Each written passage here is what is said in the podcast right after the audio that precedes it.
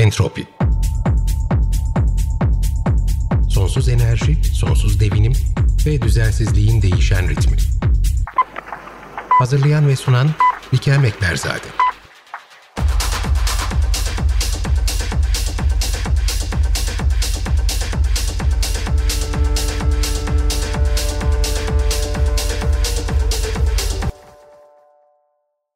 Sevgili Ünal Hocam tekrardan hoş geldiniz. Biz e, aslında iki hafta önce yaptığımız sohbetimize kaldığımız yerden devam ediyoruz. Miyosen'deyiz.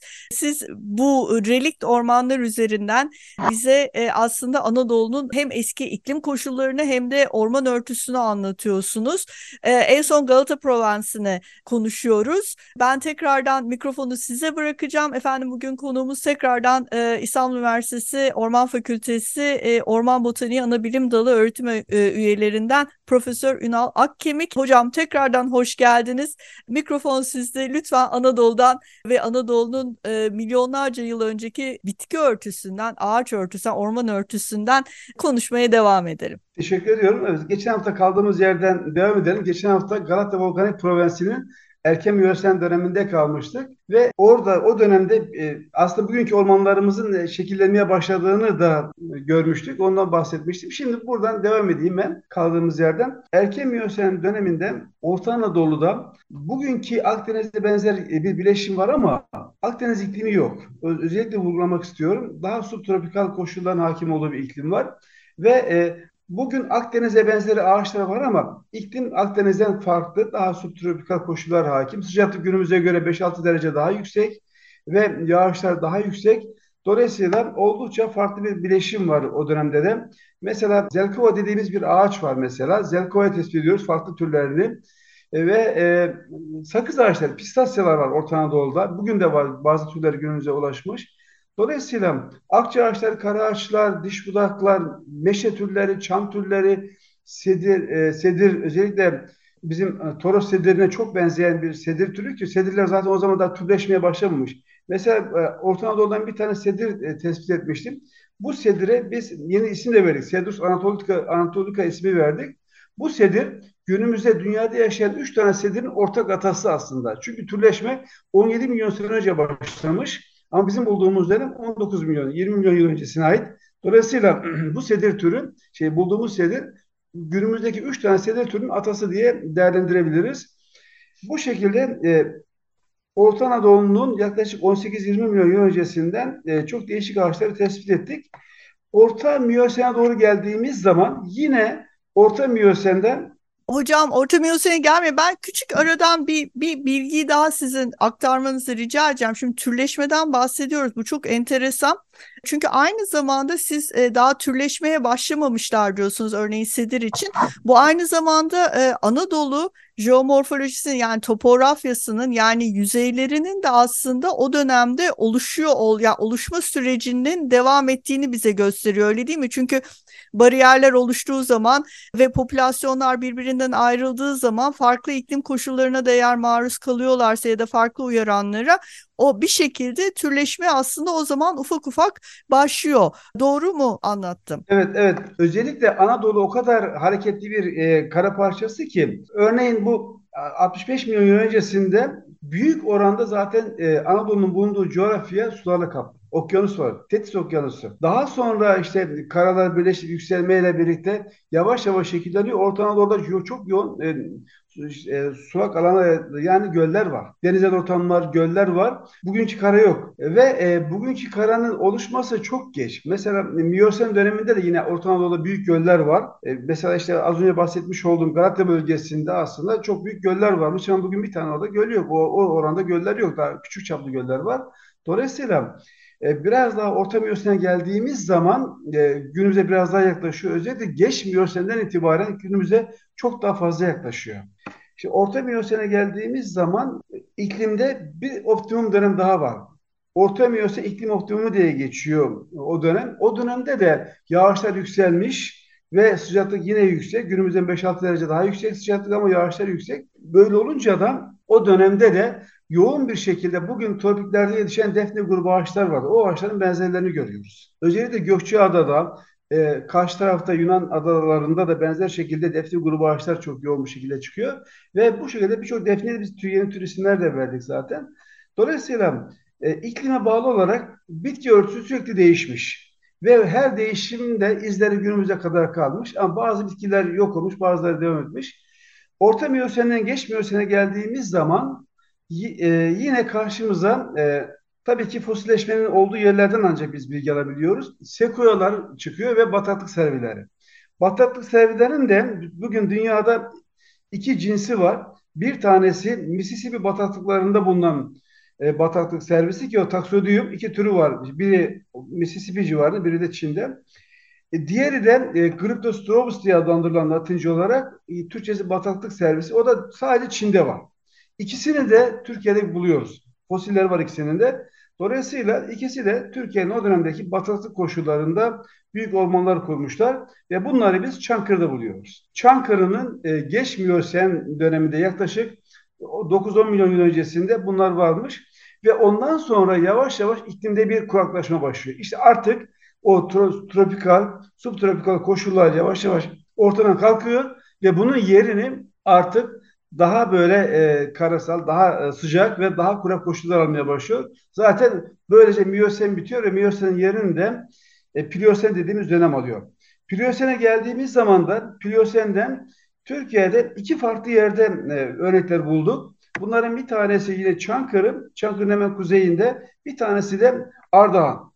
Çankırı'da hangi ağaçları bulduk? Çankırı'da erguvan, sekoya ve kupresus yani servi. Şimdi Hocam çok çok enteresan çünkü hep e, derler ya hani e, Erguvan aslında bu bu bölgenin ağacı değildir hani dışarıdan getir yani İstanbul için mesela öyle söylerler hani dışarıdan getirip peyzaj için kullanılmıştır diye ama siz Erguvan'ı yani bizim İstanbul'da Boğazlar'da e, ilkbaharın habercisi olarak gördüğümüz Erguvan'ı siz aslında Çankırı'da milyon yıl öncesinden 5 milyon 4-5 milyon öncesinde varmış.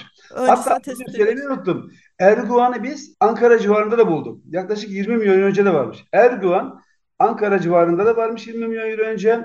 4-5 milyon yıl önce Çankırı civarında varmış. E, ve bugün Erguvan İstanbul'un e, özellikle e, Trakya yakın taraflarında, Isparta Kule arkalarında, Başakşehir civarındaki vadilerde doğal yetişen bireyleri var. Boğaz'da yetiştirilmiş, güzel çiçeklerinden dolayı Boğaz'da yetiştirilmiş, e, Boğaz'ın süsü haline gelmiş. İstanbul'un rengi diye geçiyor artık günümüzde. Ama doğal olarak İstanbul'da var. Zaten bugün Akdeniz'de doğal yetişiyor zaten. Bütün Akdeniz havzasında var. Dolayısıyla Erdoğan bizim doğal ağacımız. Geçmişten günümüze Erdoğan bizim ağacımız. Ve biz Çankırı'da, Çankırı'nın havası o kadar e, Akdeniz tipi bir iklime dön, dönmüş ki Pliyosen döneminde bugünkü tam karasallık değil de daha Akdeniz tipi iklim ve o dönemde Erdoğan'ı buluyoruz ve Selvi'yi buluyoruz. Selvi de Zaten Türkçesi Akdeniz servisi. Tabi ismi Akdeniz servisi. Akdeniz'in ağacı. Çankırı civarında Akdeniz iklimi varmış. Ve Sekoya düzlüklerde su kenarlarında, su taban arazilerde yine Sekoya'mız devam ediyor. Yani Sekoya dikkat ederseniz yaklaşık 35 milyon yıl öncesinden itibaren 2-3 milyon yıl öncesine kadar Anadolu'da devam etmiş. Ve bu kadar uzun devam eden tek ağaç grubu sekoya aslında. Ve bizden sonra daha sonra Ukrayna civarında yaklaşık 800 bin ya da 1 milyon öncesine ait fosiller bulunuyor. Daha yakın dönemde yine daha kuzeyde bulunuyor. Yani sekoya bu bölgeden yavaş yavaş kuzeye doğru çekile çekile bütün e, Avrupa kıtasında aslında yok olup gitmiş. E, bizdeki son temsilcileri büyük olasılıkla şu anki bilgilerimize göre Çankırı'da bulduğumuz örnekler ama daha başka yerde daha yakın geçmişten bulursak belki daha yakına gelebilmiş olabilir ama şu anki bilgilerimiz bu. Diğer e, Pliyosen dönemi ağaçları nerede bulduk? Postof, Ardahan Postof'ta e, bulduk ve Postof'un Yeniköy civarında. Burada da bulduğumuz ağaçların bir tanesi sedir ağacı. Sedir erken Miyosen'de Anadolu'da varmış, Orta Anadolu'da. Bugün günümüzde bütün yayılışını Toros Dağları'nda yapıyor. Toros Dağları boyunca çok lokal olarak da sedir ağaçlarını e, Tokat, Erbaa ve Niksar civarında buluyoruz. Ama 5-6 milyon sene önce sedir ağaçları Ardahan civarında da varmış. Yani e, kuzey daha da kuzey, kuzeyde varmış yani e, orada ve orada iki şey daha bulduk. Bir tanesi Sissus dediğimiz Laden bu çalı grubu Ladenler, Laden çalıları bir de akçe kesme. Akçe kesme ve Ladenler bunlar bu üç e, e, bitkinin varlığı e, Ladenler, akçe kesmeler ve sedir. Bunlar bugün e, Akdeniz'de yoğun bir şekilde var. Karadeniz'de bunlar e, Tokat civarında var. İşte bu Niksar Erbaa'da bu bileşim var. Yani Pliyosen'den bu zamana aslında e, burada değişim oldu tabii ki defalarca değişimler yaşanıyor ama bugünkü Tokat civarındaki benzer yapı yaklaşık e, 5 milyon sene önce e, Posos civarında da varmış. En azından sedir varmış. Sedir'i şöyle anlatmak istiyorum. Sedir çok enteresan bir ağaç. Sedir bu coğrafyadaki en kadim, en değerli ağaçlardan bir tanesi. Muhteşem bir ağaç. Hem görünüş olarak hem e, odun yapısı açısından gerçekten mu muhteşem bir ağaç, dayanıklı bir ağaç. Ve sedir tarihi yapılarda özellikle Mısır'daki ya da İsrail'deki yapılarda çok kullanılmış. Ve o sedirler bizim Toros dağlarına kesilerek götürülmüş. Hatta sedir en son bugünlerde yaptığım bir çalışma var. İşte dendrokronolojik analizler de yapıyoruz. Yıllık halka çalışmaları. Eğer e, sonraki haftalarda e, bu konuda da program yapmak isterseniz seve seve katılmak isterim bu yıllık halkalarla ilgili. Şimdi e, Gordiyon civarında çalışma yapıyoruz. Gordiyon'da tabii bizden yıllar önce yapılan çalışmalarda Gordiyon'da büyük tümülüsler var. Tümülüslerin bir tanesinde T52 tümülüsünde e, bir de MM tümülüs var en büyük tümülüs. Bu tümülüsün dış duvarlarında ardıç kullanılmış. E, şeyde tümülüs içindeki yapıda. Dünyanın en eski en iyi korunmuş yapısı şu an Kral Midas tümülüsü. MM e, tümülüsü diye geçiyor. Ve o tümülüsten o iç kısımdaki o ahşap yapının dış hattında ardışlar kullanılmış. İç hattında karaçam ağaçları, taban döşemesi sedir. Şimdi o civarda ardışlar var, temsil ediliyor. Ardış ormanları var. Hemen e, iç kısmında kullanılan karaçamlar da o civarda doğal yetişiyor. Çünkü o karaçam ormanları var. Ama sedir ormanı yok. En yakın sedir Toros dağlarında var. Şimdi böyle olunca o kadar uzak mesafe sedir ağaçlarının oraya taşınmış olması bir tartışma konusu. Ve burada iki farklı görüş var. Bu görüşlerden bir tanesi burası dönemin en büyük kralına ait tümüs olduğu için krala hediye olarak çok uzak mesafeden taşınıp getirilmiş olabilir deniyor. Çünkü sedir o zaman da çok değerli, muhteşem bir ağaç ve getirilmiş taban döşemede kullanılmış. Başka bir görüşte bu civarda sedir ağaçları bir yerlerde vardı. Çünkü 10 bin yıl öncesine kadar sedir polenleri çıkıyor. Sedir polenleri o civarda var. Anadolu'nun, Kuzey Anadolu'nun e, göllerinde yapılan polen analizlerinde sedir çıkıyor. Ama 10 bin yıldan günümüze doğru geldiğimizde sedir polenleri e, pek bulunmuyor. İşte bu noktada belki de o civarda çok detaylı polen analizleri yapılması gerekiyor. Belki de sedir ormanları bir zamanlar vardı. Hocam çok bu Evet çok lafınızı kestim ama e, çok önemli bir noktaya değindiniz. Çünkü e, biz bu e, hatta sohbeti çok kısa bir şekilde sizde daha önce yapmıştık siz bu çalışmaları yaparken. Benim e, yaptığım karasal ekosistemleri yani ormanları modellediğim çalışmalarda da mevcut iklim verilerini yani günümüz iklim verilerini verdiğimiz zaman aslında İç Anadolu'da çok yoğun e, sedir ormanları oluşuyor. Yani bu bir model, bir, bir matematik hesaplama. Ama eğer sedirin hani iklimsel tolerans seviyelerini biz modeli verdiğimiz zaman bunun göstergelerinden bir tanesi İç Anadolu'da çıkıyor.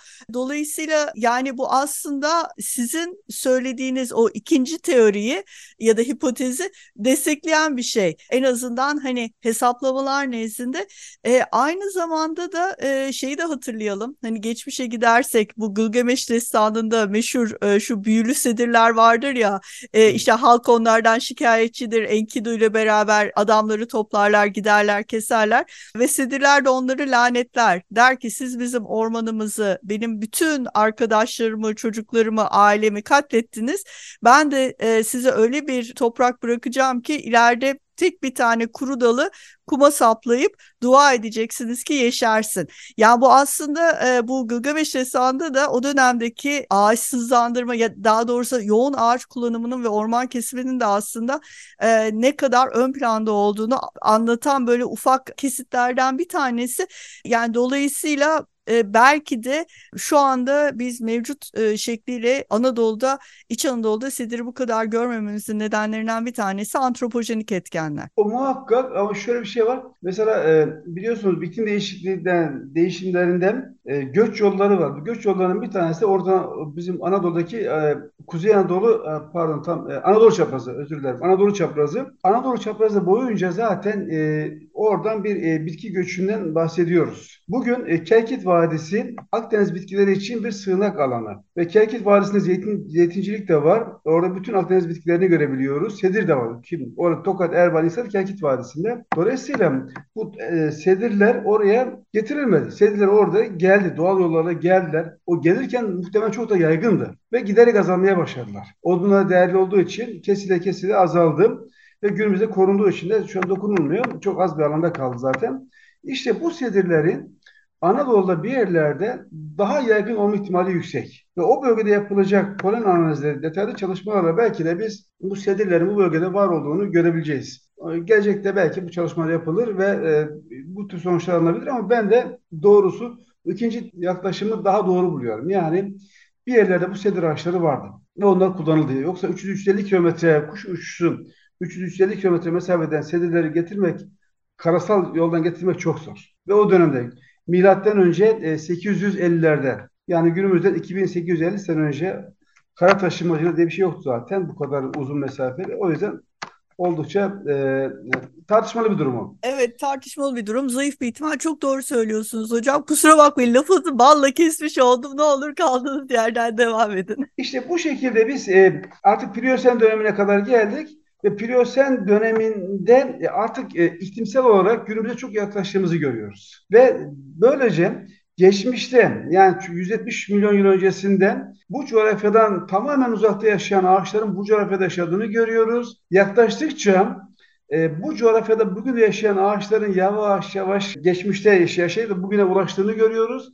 Özellikle erken Miyosen döneminde yaşayan o ağaç cinslerinin büyük oranda günümüze ulaştığını ama başka türlerle ulaştığını görüyoruz.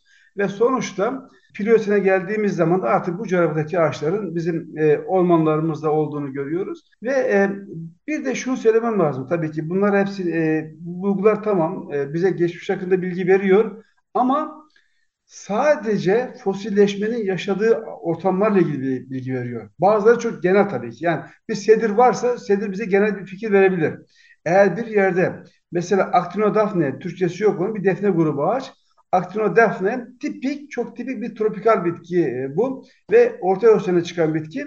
O ağacı bulmuşsanız o zaman diyorsunuz ki evet bu ağacın bulunduğu ortam tropikaldir. Çünkü günümüzdeki bütün temsilcileri tropikal kuşağa sıkışmış vaziyette. Dolayısıyla oradaki işte e, bu şeyin cisim varlığı doğrudan geçmişteki o şeye götürüyor bizi.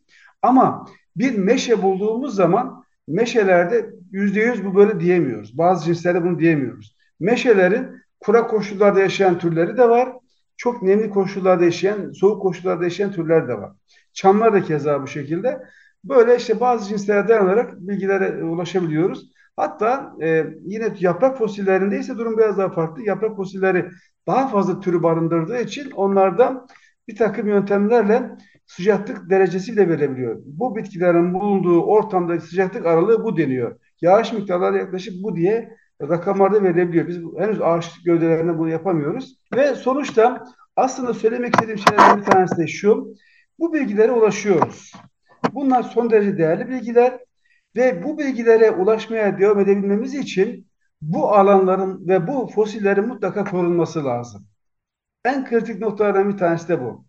Ve geçtiğimiz haftalarda Midilli'den e, bir fosil ormanı ziyaret ettim ben. Dünyadaki en meşhur fosil ormanlardan bir tanesi. Bir tanesi de Arizona Petrified Forest diye geçen o milli park orası Arizona'daki. Burası e, Midilli'deki Geopark.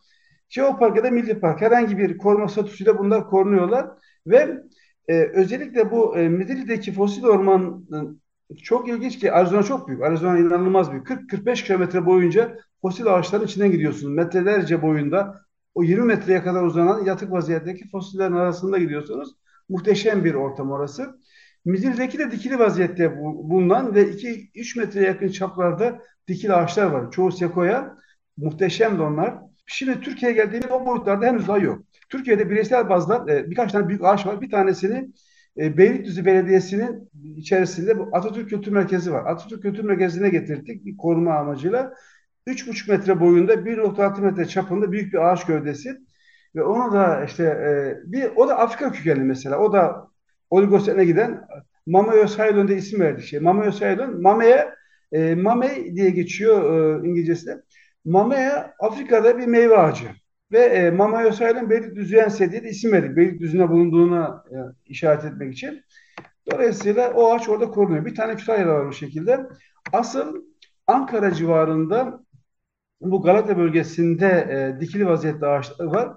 Ve bundan sonra hedefim o bölgede bir alanı yaklaşık 4-5 bin hektarlık bir alanı milli park olarak ilan ettirmek ve oradan yapılabilirse e, e, Midil'de olduğu gibi dikili vaziyette bulunan ağaçları e, açarak etraflarını kazarak orada kazı yaparak onları açığa çıkarıp artık onları da e, e, bulunduğu ortamda Milli Park bünyesinde sergilemek ve ziyarete açmak. Dolayısıyla bu tip hedeflerim var. Eğer e, başarılı olabilirsek önümüzdeki yıllarda bu önemli ve e, bunların bu şekilde korunması gerekiyor. Bazen öyle oluyor ki tek bir tane taş parçası, taş dediğimiz taş parçası yani fosil taşlaşmış ağaç parçası bize çok büyük bilgiler sunabiliyor. Örnek vereyim mesela Erzurum Oltu taşı. Bugün e, çok özel e, bir oluşum ve çok zor farklı bir teknikle çıkarılıyor ve Erzurum Oltu taşı farklı amaçlarda kullanılıyor. En başta tespih yapmak üzere. Erzurum Oltu taşının ham maddesi, ana maddesi arukari ağacı. Bildiğimiz ağaç. Farklı bir içine olduğu için farklı bir fosilleşme ortamı ve simsiyah bir e, taş olarak karşımıza çıkıyor ama o, o taş arukari ağacı. Ve arukari ağacının varlığı bugün bize doğrudan iklimin güney yarımküredeki iklim olduğunu gösteriyor. Bu şekilde bu ağaçların varlığı, e, her bir taş parçasının varlığı bize gerçekten çok değerli bilgiler sunuyor. İklimsel olarak ya orman ağacı olarak ve bu coğrafyada nelerin, e, hangi ağaçların gelip geçtiğini gösteriyor. Ve o yüzden bunların mutlaka korunması lazım. Kesinlikle taş ocağı, maden ocağı ya da işte süs taşı gibi kesip kesip bunları süsleyip satmak gibi e, ticarete konu olmaması gerekiyor kesinlikle. Aslında yasa var. E, tabiat ve e, kültür varlıklarını koruma kanunu var. Bu kanun kapsamında güya korunuyor ama kültür varlıklar yani arkeolojik kalıntılarla ilgili kısımlara dair yönetmelikler oluşturulmuş. Sıkı bir koruma var ama tabiat varlıkları kısmına geldiğimiz zaman henüz daha net bir yönetmeliği yok. Yönetmelik olmadığı için de korunur diyor ama nasıl korunur belli değil.